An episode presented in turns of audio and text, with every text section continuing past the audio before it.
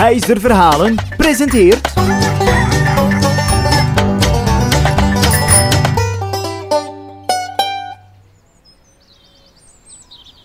Op een dag op een boerderij leefde boer Jeroen heel rustig. Hij had ook een heel lief paard. Het was heel oud geworden en kon voor Jeroen niks meer betekenen. Het ging zo ver dat boer Jeroen hem geen eten meer wilde geven. Hij had het paard echt niet meer nodig.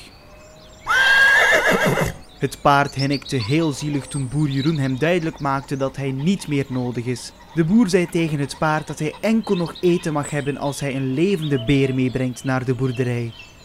Jawel, je hoort het goed. Een levende beer.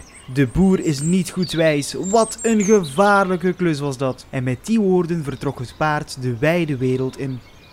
Geen water, geen stro. Hij was helemaal alleen. Het paard voelde zich treurig en ging naar het bos om wat beschutting te zoeken tegen de kou. Maar plots. Een struikje bewoog heel wild. En Hallo, het paard schrok zich een wortel. Het was een vos. waarom laat je je hoofd zo hangen en loop je zo eenzaam rond? Het paard vertelde de vos het hele verhaal over de boer die hem geen eten meer wilde geven omdat hij veel te oud was. Wat? Wat een schande. Na die woorden van de vos vertelde het paard dat hij terug eten mag krijgen als hij met een levende beer terugkomt op de boerderij.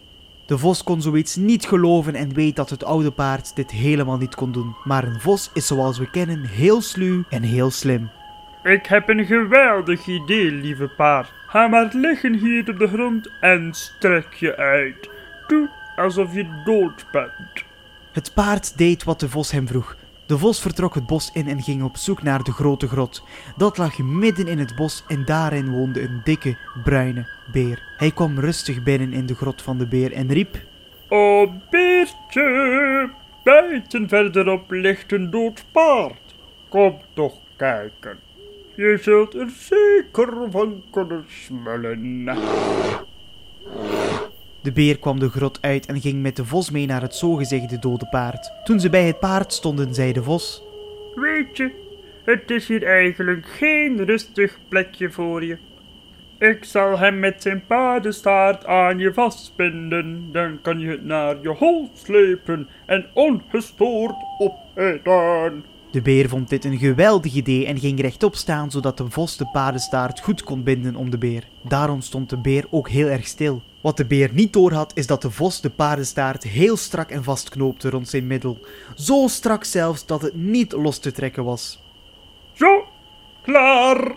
De vos tikte op de schouder van het paard en riep: Kom aan, trekken.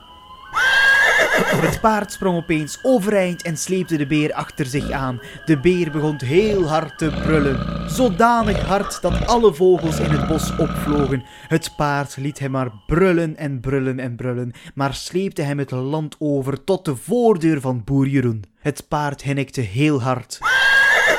En de voordeur ging open. Daar stond boer Jeroen met een geschrokken blik te kijken. Sindsdien beloofde Jeroen om hem elke dag als een koning te behandelen. En de beer? Die mocht van de boer terug het bos in.